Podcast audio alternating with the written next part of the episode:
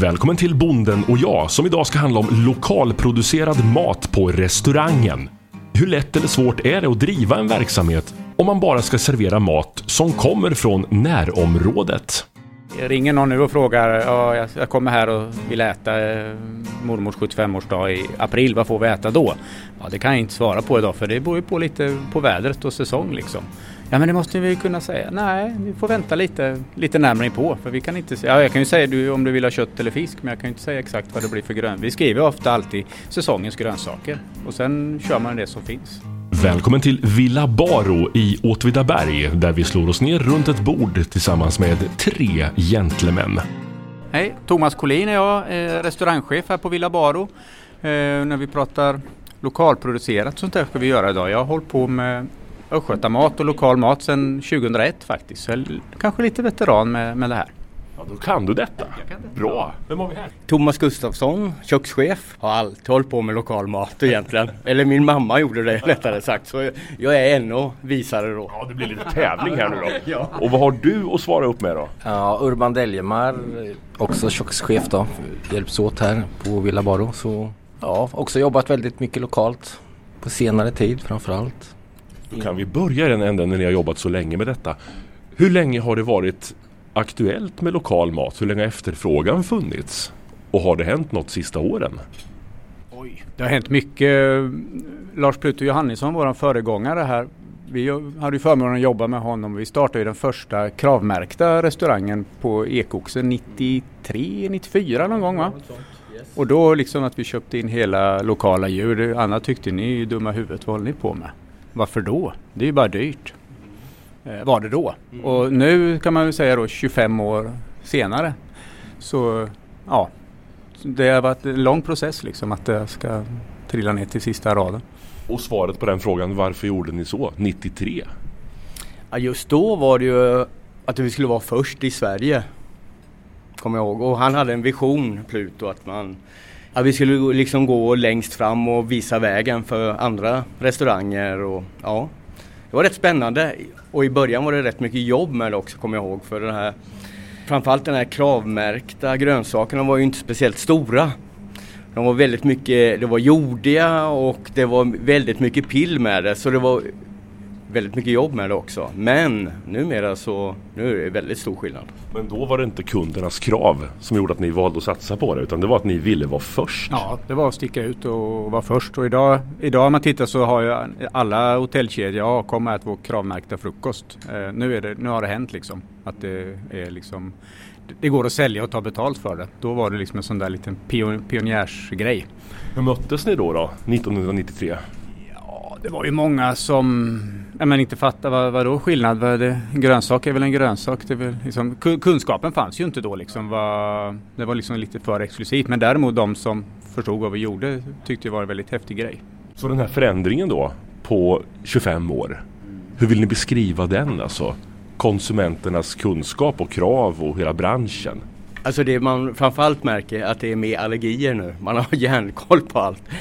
På den tiden så fanns det fanns inte sådär jättemycket vegetarisk kost på samma sätt. Eh, Det var inte laktosintolerant. Det var, gluten har ju alltid funnits men det var liksom väldigt sällan man stötte på det. Numera är ju det vardagsmat så att säga. Hur går det hand i hand med, med närproducerat?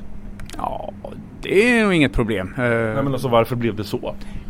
Det är nog lite med med medvetenheten tror jag som, som har stuckit. Så det, det har varit en, det var ett trö, tröga 25 år kan man säga. Liksom. Det har ju varit en viss klick. Nu har det blivit mer allmänt spritt att man frågar efter eller liksom varornas ursprung och eh, många liksom alla skandaler att liksom man vill äta svenskt framför allt. Och här på Villa Baro, här lagar ni mat och serverar efter säsong. Ska vi ta det lite, vad innebär det? Ja, vi jobbar ju med det som är Ja, som är säsong helt enkelt. Jag menar på våren är det ju kanske lamm och det är Vi får våra nötdjur i början här när vi Vi har egna nötdjur då, så att säga. Så vi pekar ut vilka vi vill ha och så Får vi dem på vårkanten där när de har vuxit till sig innan de ska ut. Så, och sen jobbar vi vidare så med allting egentligen. Kräftor och nässlor och ja men allt. Så, så jordgubbar på nyårsafton här, om man vill beställa? Nej, det är väl inte riktigt våran grej kanske.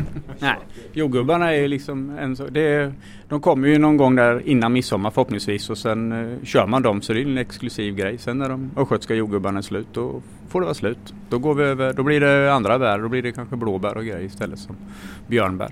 Varför jobbar ni så? Ja, alltså, det, alltså vi tycker det känns bra att följa säsongerna. Precis som Urban sa här då. Våren så har vi lamm och nässlor och Råvarorna är som bäst också. Ja. När de är färska då smakar jordgubbe smakar ju, åk och köp en jordgubbe nu liksom. Nej, inte samma, det är inte samma grej. Ska man ha det bästa så ska det ju vara i säsong, vad, vad det än gäller. Men är det svårare att driva restaurang och jobba så att servera efter säsong än att ha tillgång till allt året runt? Alltså egentligen inte. Alltså vi har ju den förmånen. Vi jobbar ju med Bondens skafferi Öst här. Och han eh, ger oss listor hela tiden. Vad, vad är det som gäller nu? Det är de här grönsakerna, det är det här köttet och stort, stort samarbete med honom har vi. Riktigt bra. Och då har man ju, då är det bäst pris på grejerna också när det är säsong. Ska du, ja men som du säger, ska du köpa jordgubbar på nyårsafton då är de jävligt dyra. Däremot när det finns mycket som helst eh, då är det bättre pris på dem. Så det är ju tillgång och efterfrågan också. Sen har man ju, man har ju lärt sig ha lite koll på vad det är som är säsong så att säga. För jag tänker för en lekman då så, så borde det vara lättare att ha tillgång till alla råvaror. Ja men som, som man jobbar privat. Nu, nu avslöjar jag mig själv här. Men man tar lite för givet att affären har allting. Det är väl det som är lite felet. Affären om man ska säga handeln. De, de har ju allting och de ser ju liksom i ett matlagningsprogram på tv att någon står och ja, håller på med sparris nu till exempel. Wow, och helt plötsligt då vet de, ja då kan vi sälja 100 kilo sparris imorgon för nu har det varit på tv ett recept liksom. Ja, då har flugit in sparris från Peru då för 100 kronor kilot liksom. Ju... Vad är problemet med det om du skulle förtydliga? Det är inte så, inte så klimatsmart. Det varken du flyger hit eh, råvaror som kanske har producerats under taskiga förhållanden och så vidare. Det är ja, musik, barnarbete idag liksom. Nej men inte vet jag. Det kan ju vara mycket som ligger bakom. Och då är det helt fel i säsongen sådana här grejer eh, om man inte har tänkt till. Eh, mm. Hur påverkar det här menyn då? Hur kan menyn se ut under året? Om man jämför det här stället mot en, en restaurang som inte tänker efter säsong. Alltså vi delar ju upp egentligen. Vi har ju då vår, sommar, vinter och höst. Höst, vinter, så kanske man säger. ja, ja, ofta säger man så. Så följer vi det helt enkelt. Så just nu är vi ju inne i vinterperiod blir det mycket vilt, framförallt här på Villa Baro. Eh, det blir mycket kol. Alltså det finns ju inte de här fräscha primörerna utan nu är det, nu är det rotsaker, alltså morötter, kål sa jag ju redan. Och, ja, men som sallad, vad gör du för sallad? Ja, alltså, blir, alltså vi gör ju sallad på kål helt enkelt. Men vi köper givetvis som alla restauranger Alltså vi har ju, om vi har en eh, sallad på lunchen och det har vi alltid, så lägger man till lite fräscha salladsblad. Nu kan man ju få tag i alltså, svensk sallad som är odlad inomhus. Så, att säga. Så. Men det är ju inte säsong för det egentligen. Va? Men det, alltså det, efterfrågan är ju efterfrågan och då, eh, ja, då ser de ju till att fixa det till oss. Ja, men tekniken går ju framåt också. Ja. det går att köpa svenskodlad sallad året om, växthusodlad. Då har vi skapat oss en säsong. Och det är lite skillnad att ändå köpa en, en, en svensk odlad sallad än någon som har flugits ifrån andra sidan jorden. Liksom, eller? Men det är lite mer tankeverksamhet, eller hur? Absolut, absolut. Det måste man alltid tänka på, självklart. Så är det väl lite här för menyerna. Ringer någon nu och frågar, ja, jag kommer här och vill äta eh, mormors 75-årsdag i april, vad får vi äta då?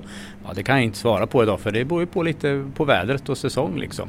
Ja men det måste vi kunna säga. Nej, vi får vänta lite, lite närmare på för vi kan inte säga, ja, jag kan ju säga du, om du vill ha kött eller fisk men jag kan ju inte säga exakt vad det blir för grön. Vi skriver ofta alltid säsongens grönsaker och sen kör man det som finns och det köper ju ofta folk. Ja, de gör det alltså? Ja, Man behöver inte veta i förväg? Lite förklaring. Ja. Nej, men det är... Nej, jag tycker det är... Och plus då, alltså då ger man ju... Alltså matsalen Matsalsyrket eh, går ut på att man informerar gästerna och då har ju eh, den som jobbar i, i matsalen någonting att prata om. Att det kom, den här sparrisen kommer från Jo och vi fick tag i eh, jättefina eh, moröt, eh, morötter från Lelles i Norrköping. Och då blir det där exklusiva. Men hur mycket jobb är det för er att leta då? Att hitta de här råvarorna? det låter vi mycket till grossisterna vi jobbar med som sagt. Vi, vi, vi jobbar med en liten bondeskafferi och även Mårdskog och Lindqvist då, som också är anslutna till Östgötamat och då blir det att de, eh, vi, vi snackar lite och vet om att nej, men nu har vi det här antal dagar eller veckor och vi kanske handlar på oss och har lite eget lager på vissa grejer man kan frysa in och så också.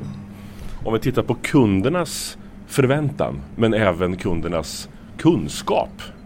Vad förväntar de sig och får ni ofta berätta om vad som är på tallriken? Vi har ju ganska medvetna gäster också tycker jag. Alltså, framförallt alla våra paket om man säger så som kommer hit. Så de uppskattar det väldigt, väldigt, väldigt mycket just det här med att vi berättar att ja, men den här hjorten har vi skjuten här precis utanför i skogen utanför här så, och så vidare med, allt, med allting egentligen. Och vi berättar att morötterna är därifrån och sparrisen är därifrån under den säsongen och så vidare. Kräftorna fiskar i sjön här nere vid Långa sjö. Och, ja. Så ja.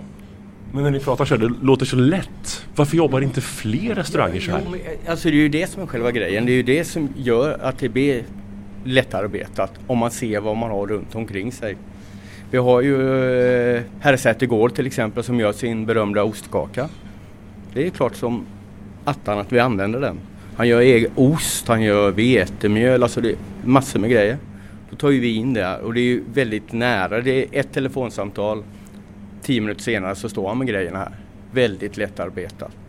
Sen samarbetar vi ju med andra också. Värna Visthus som har satt igång nu med sin vilt, eh, ja, de förädlar vilt helt enkelt. Eh, och då kan jag ändå lägga in det, ett projekt som jag är med i nu som heter eklandskapsgris, alltså vildsvin. Försöker vi få att fler äter helt enkelt. Så det håller vi på med just nu. Hur går det med det? För det tänker jag ofta på att varför ser vi inte mer vildsvinskött omkring oss som vanliga konsumenter? Om du går in i butiken till exempel. Jag ser vildsvin varje dag. Det borde vara så att det var vildsvinskött i butiken. Billigt för det finns så mycket. Där är problemet lite med hanteringen med vildsvinen för att man måste lämna trikinprover och så vidare så att många jägare väljer att gräva ner djuren istället. De skjuter av dem och gräver ner dem för det är för dyr hantering. De får inte sälja det hur som helst och det ska till en vilthanteringsanläggning nu. Nu jobbas det på, regional, eller på högre nivå för att liksom underlätta att det ska bli billigare. För där har varit liksom en stoppkloss att hanteringen och få ut det. Tyvärr. Eh, men det är ett fantastiskt kött. Alltså. Det är det, vi, det här projektet har fått EU-pengar eh, e för att jobba fram och få ut det. Och det är ju slutligen att det ska finnas i butiken som du säger. Idag är det ju, blir det alldeles för dyrt. Eh, tyvärr. Vad gör ni i det projektet? Berätta. Alltså det är väldigt mycket. Jag, jag är ju med i själva gruppen fast jag är ju inte den som leder gruppen på något sätt utan jag, jag företräder Villa Baro helt enkelt. Ja, syftet är ju att eh, öka medvetenheten om vildsvin, att den ska komma ut i butiker, att, att den ska serveras mer på restauranger. Och problemet är som jag tror att det är väldigt många som äter dåligt vildsvin också så det är lite svårt kanske själva tillagningen, men det är ju som vilket kött som helst. Vilken stek som helst egentligen. Projektet håller på för fullt helt enkelt. Ja, det är bra. Ja. Hur betraktas vildsvinet på tallriken på restaurangen när ni serverar? Ja, det blir väl bättre och bättre tror jag efterhand hela tiden att folk, ja men det här var gott. Det var faktiskt riktigt bra. Så, den kommentaren hör man ganska ofta tycker jag. Precis likadant som det med lamm. Ja, men det smakar, det smakar får, det smakar kofta. Och, Eh, men jag tycker att eh, förståelsen och ökar hela tiden. Tycker jag verkligen. Så det är inget problem att servera sådana rätter längre. Men betraktas det som lite exklusivt fortfarande? Åh, ett vildsvin! Ja, det är nog många, både och. Många, men många upplever det som exklusivt. Det är ingenting man äter, eftersom tillgången är begränsad så det är ingenting man äter var och varannan dag. Man inte ser det så ofta på restauranger heller kanske. Så det är lite exklusivt fortfarande. Det är det. Och i de här trakterna, Åtvidaberg, där vet ju jag att det springer hjortar och rådjur överallt. På torget faktiskt, har ni sett det? Ja, ja visst. Ja, till och med på torget. Ja. Maten finns runt hörnet. Ja. Är, är det lättare för er att jobba då? När maten nästan springer in i köket här? Eh, ja, det är, ja, det är en jättebra fråga. Eh, alltså, precis som Thomas sa, det är ju inte så att man bara tar en hjort så här, och sen slänger in i köket och styckar upp utan det är ju det ska gå igenom lite processer först det ska ju skjutas och det ska slaktas. Och, ja, det är ju lite jobb med den här biten. Men eh, som, precis som vi sa innan, vi samarbetar ju med Baroniet och Adelsvärd här givetvis. De har ju väldigt mycket skog och mark så samarbetet är ju klockrent. Men, men, varför jobbar inte fler så här? Det låter ju så logiskt. Mm. Ni fiskar kräftorna och så pekar ni lite åt höger.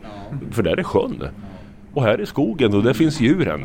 Det här borde ju vara sättet att jobba på. Men ändå så, så får man leta lite om man ska hitta en restaurang som jobbar som ni. Varför? Ja, men det, vi har ju fördelen att ligga på landet. Alltså, eh, det finns ju fler än oss som jobbar så här som liksom har grejerna in på knuten och ligger. Men liksom har du en eh, restaurang i centrala innerstan då är det kanske inte så lätt. Då krävs det kanske att du har lite intresse. Du kanske håller på med jakt och så själv. Eller, så det är nog in, intresse att man bryr sig lite om ursprunget. Sen vet jag Thomas, du berättade för mig innan vi spelade in här att det är många som jagar i Åtvidabergstrakten. Ja. Många som kan sitt kött mm. och har frysen full. Ja. Ja. Det är lite åt andra hållet mot storstan. Vad innebär det för er? Nej men det kan ju vara Alltså vi, vi, vi, har ju mycket gäster, under golfsäsongen har vi mycket gäster som kommer från kanske Mälardalsområdet och då är det jätteexklusivt att komma och äta kräftor och, och, och hjort och så. Men har vi åtvidabergare här som bara, jag vill inte ha en jäkla hjort då. Det, det har jag frysboxen hemma där. Det vill jag inte ha.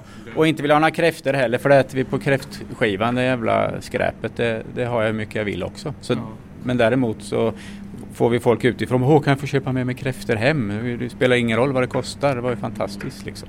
Så synen och kunskapen på råvaror skiljer sig mycket åt beroende på var man bor? Absolut. Ja men så är det verkligen.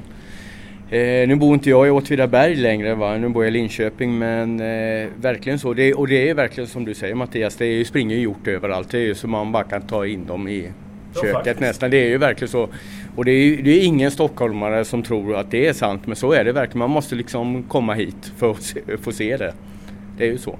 Men när ni planerar då till exempel ett julbord. Mm. När vi spelar in detta så är det julbordstider. Ja. Hur märks det på julbordet här att det är närproducerat? Ja, vi jobbar ju med våra egna varor givetvis då. Att vi, vi har gjort på... Nu serverar inte vi rent julbord utan vi serverar en sju rätters sittande middag så att säga. Men då är ju allting inspirerat av det vi har runt omkring oss egentligen. Och är det, det något som, som sticker ut där? Vilt, viltprodukterna från Värna Visthus skulle jag vilja säga. Som mm. vi har, man får ju först, eh, först en eh, grönmögelostkräm till pepparkakan på lokal ost från Herrsäter och sen eh, Sen har vi lite eh, sillar och grejer. Det är biskopssill, det är ju med rot, lokala rotsaker och, och östgötsk potatis ligger den på. Sen, man, och sen går man vidare till kötthallen från Värna Visthus. Det är mycket vildsvin och hjort. Kor, korvar, eh, pastrami, lite olika vad, vad man får. Lite, och paté som också gjort. Man använder hela djuret. Så man använder lite, lite inälvor och framdelskött och så också. Mm. Eh, och sen som sagt serverar vi ju också gjort som en av varmrätterna med trattkantareller från skogen omkring här och ostkaka från trakten. Ja, ursäkta, jag vill bara komma in här med ett litet programtips. Det är nämligen så att vi har ett helt avsnitt med en av de leverantörer som omnämns i det här eh, programmet. Där kan du möta krögaren Pelle Fors som har byggt om hela sin verksamhet för att kunna just leverera lokala råvaror till just restauranger. Sök bara efter avsnittet som heter “Nu kan Pelle förädla och sälja det mesta från närområdet”. Spännande och intressant lyssning. Men nu tillbaka till de tre herrarna på Villa Baro. De pratar så varmt om detta med att laga och servera närproducerat. Men finns det då inga nackdelar med att jobba på det här sättet? Det är ju bra råvaror men de, de, det är ju lite dyrare. Och det är ju lite logistik, logistikproblem att få ihop. Och man kan som sagt man kan inte lova eh, eh, en stor beställning i bröllop att ni får eh, garanterat vildsvinsinnefilé. För det vet ju inte om det finns precis så många som ni ska ha. Nu har ju inte vi så stora men eh, restauranger som jobbar med större volymer kan ju vara problem att liksom oj nu ska jag ha 30 kilo vildsvinsfilé till på lördag. Det kanske inte går att få tag i utan man får eh, Ja, så det är lite planeringsjobb och att det är lite dyrare. Men eh, idag har vi kommit till den att, att folk också är beredda att betala för det. Så var det ju inte för 25 år sedan. Ja, man är det. Ja, det skulle jag vilja säga. Att eh, man kan få, ja men gud varför, är ni, varför, varför kostar det si och så? Ja, men det, vi vet vad det är för grej. Jaha, ja men okej. Då, då känns det bra. Har ni en känsla för vad det är som gör att man faktiskt vill och är beredd att betala för detta? Ja, det är nog medvetenheten lite, att, eh, miljöpåverkan liksom att mm, det äntligen har blivit liksom medvetet att man ska äta svenskt och lo lokalt så mycket som möjligt. Att eh, man tänker miljöaspekten framför allt. Alltså jag ta eh, exempel eh, vår eh, sjätte rätt då på den här julmiddagen är då ostar. Det är från Brostorp, det är från Herrsäter gård här i Åtvidaberg. Sen har vi från Löt och från Löt de håller ju på med getostar. Där, vi, där har vi under nu hela december här serverat en ost som är en getbri smaksatt med saffran passar ju perfekt till, eh, under julmiddagen. Plötsligt så, nej nu finns den inte längre, nu har den tagit slut. Då får man ju börja tänka om. Och då kan det ju finnas gäster som vet om det. Skulle, åh, det skulle vara så roligt att få pröva den där saffransost, brieosten. Och sen säger man till dem, nej den finns inte längre. Bara. Och det är inte alla som förstår det riktigt. Ah. Det, Vad gör ni då, då? Vad säger ja. ni då?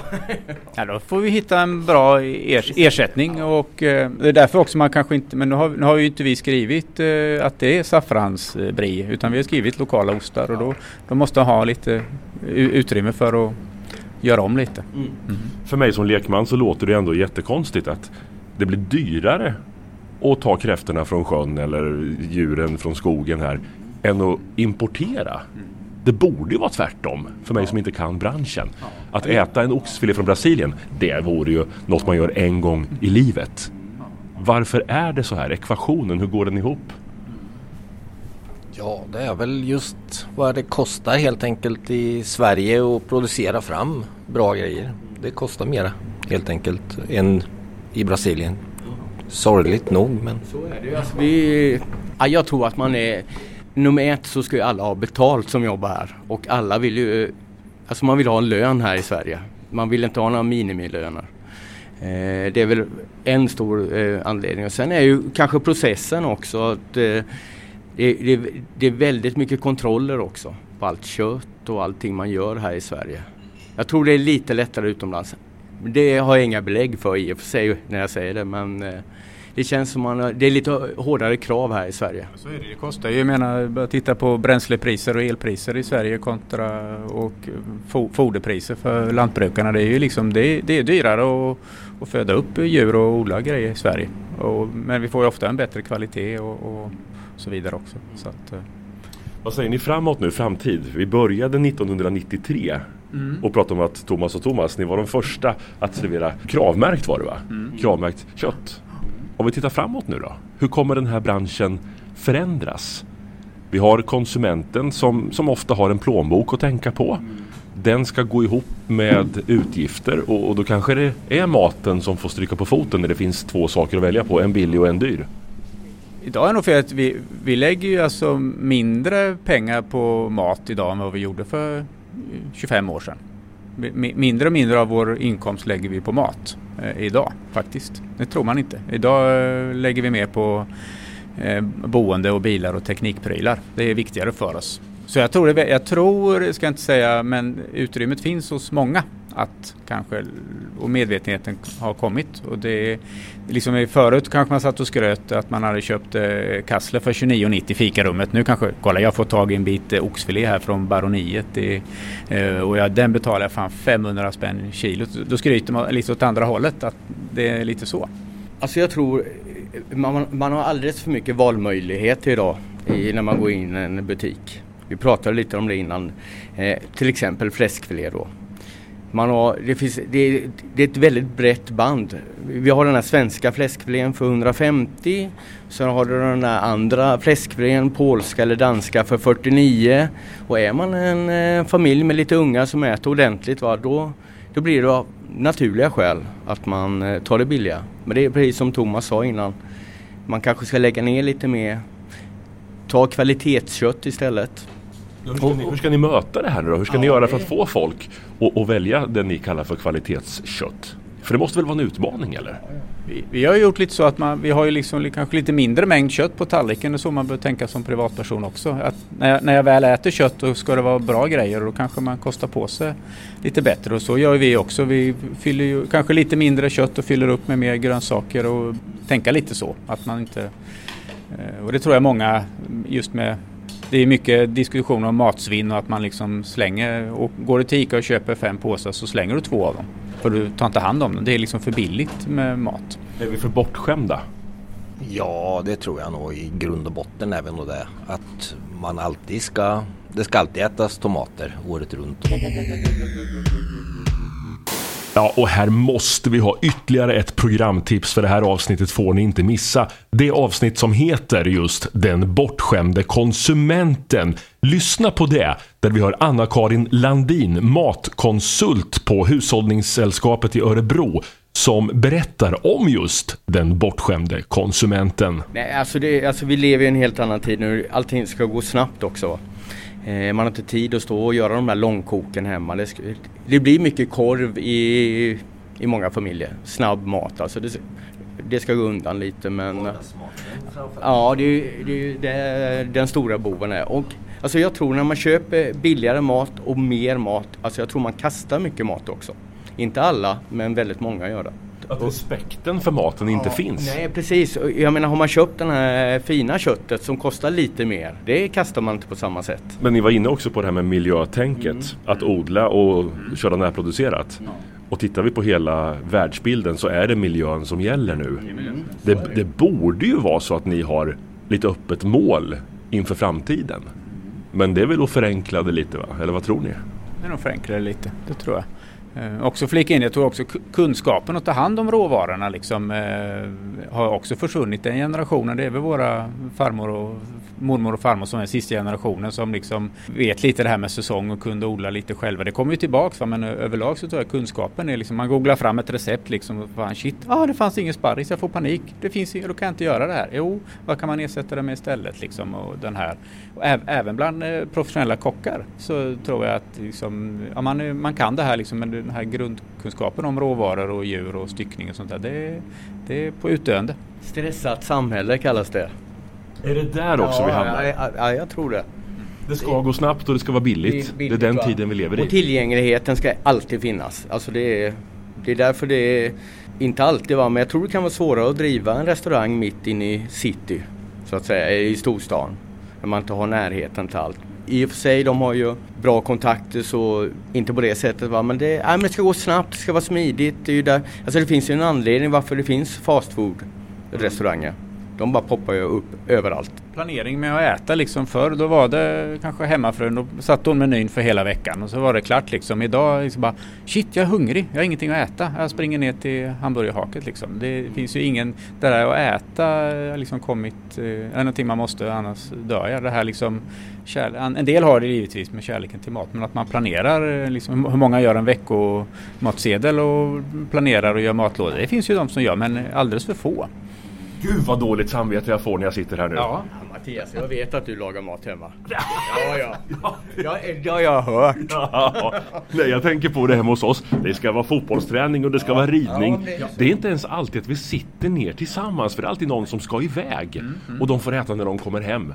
Ja, det, det funkar väl någon gång där med men så är det väl tyvärr. Vi, äter, vi får i oss mycket av processad och liksom färdig mat. Det innehåller ju mycket eh, grejer som man kanske inte är så nyttigt att äta. Så. Men blicka framåt nu då, 25-30 år framåt. Och vi tänker miljöarbetet. Vi tänker ja, men utsläpp och kostnader och allt som måste, som måste ner, alltså utsläppen. Och vi måste liksom vinna på att leva miljömässigt. Ekonomin måste gå hand i hand med klimatomställningen. Kommer ni göra det om man ska välja att och jobba som ni, att käka efter säsong? Vilket då idag blir betydligt dyrare. Ja, jag tror att det kommer bli så här. Det kommer bli mycket mer uppdelat. Det kommer finnas sådana restauranger som vi som har gått ännu längre och som verkligen är självförsörjande helt och hållet i stort sett. Men sen kommer vi väl tyvärr tror jag på konsumentled, alltså äta hemma. Då kommer det nog tyvärr öka den andra delen också. Varför Men, tror du? Alltså, kommer det ens vara möjligt att, att transportera runt hela jorden? Ja, förhoppningsvis inte men ja det, det är en utmaning vi har. Ja, det, är, det är den här ekonomin som alltid får sista ordet oftast. Liksom, att så, så länge det är, det är alldeles för billigt att transportera, transportera grejer, det ser man. Liksom. Vi, kör, vi kör eh, sån här kött från Brasilien i båtar. Liksom. Ja, det är som ingen skulle gjort för det är för, det är för, eh, det är för billigt. Du ser alla, åker ut på E4 och ser alla lastbilar. Hälften av dem är ju fulla med matvaror. Liksom. Så att jag tror också det kommer till förhoppningsvis gå tillbaks lite att det finns en, en köttbutik, en grönsaksbutik i, i varje ort. Alltså man, det kommer gå tillbaks lite till det. Man går till slaktaren ja. ja Nej men jag tror så här, eller jag hoppas på, eller jag hoppas kanske är fel att säga, men jag tror att man kommer gå ut och äta mer. Hoppas vi inom restaurangyrket. För man hinner inte och har inte tid att laga mat hemma. Utan jag tror, alltså jag börjar märka det redan, ungdomar idag, man går ut och äter. Det gjorde ju inte en annan när man var i den åldern. Utan man går ut och äter god, bra mat. Och förhoppningsvis så eh, kommer alla till den där säsongsbetonade maten och då tror jag det kommer hjälpa miljön. På lång sikt. Det låter ju så. Ja. Men har vi då mat så det räcker i Sverige? Kan vi bli självförsörjande? Ja, det tror jag inte. Nej. Nej. Inte som idag, alltså fler och fler lantbruk eh, läggs ju ner och det blir mer och mer storskaligt och det talar emot lite det där jag säger om att det var slakt gå tillbaka till slaktaren och mjölkbutiken och så. Så att det, är, det, är, det är stora frågor. Mm. Eh, vill vi bygga fler bostäder på bra lantbruksmark och så vidare. Det är, så det, det är stora frågor det där och vi är ju långt ifrån självförsörjande på mycket. Vi importerar alldeles för mycket och, och det är ju kanske bättre ekonomi att sälja det utomlands än att sälja än i Sverige ibland också. För ekonomin som sagt är ju där i slutändan. Ja, och har vi inte ens råvaror så det räcker till oss då, då är det här omöjligt. Mm. Mm. Hur ska vi komma till rätta med det då? Ja, det är en bra fråga. Jag har ingen bra lösning på det just nu. Men jag kan ju återkomma om det när jag vet det. Men det, ja, ja, det är svårt. Ja, men jag, jag, tror frågan är ju uppe på högre nivå nu efter eh, pandemin när, när vi liksom såg hur sårbara vi var. Vi hade inga, om vi jämför med Finland då som har liksom eh, smör och köttberg så de klarar sig ett år. Eh, vi dör ju efter 72 timmar när du bor i Stockholm. Finns det är ju tomt i hyllorna då. Finns ju inget. Och det tog många, nu har den liksom trillat tillbaks lite men när pandemin kom då liksom det här, då var det åh ni ska göra sådana här fix, eh, ha nödlådor hemma med burkmat och så vidare. Det, det har nog dött ut lite men det ska vi nog ha i baktanken att vi är jäkligt sårbara. Blir vi av med strömmen liksom, ja då är allt förstört på ICA. Va, vad har du hemma då? Ja, och då är det bättre att bo i Åtvidaberg där rådjuren springer på torget. Ja, ja absolut. Det är inga problem alls. Kasta lasso. ja. Du har lyssnat till Bonden och jag, en poddradioserie från LRF. Och du, det finns många avsnitt till med spännande ämnen så det är bara att klicka sig vidare och fortsätta lyssna. Ansvarig utgivare, det är Carl Selling. Själv heter jag Mattias Lindholm och är programledare och producent för den här serien. Tack så mycket för att du lyssnat. Och du, jag hoppas att vi hörs snart igen.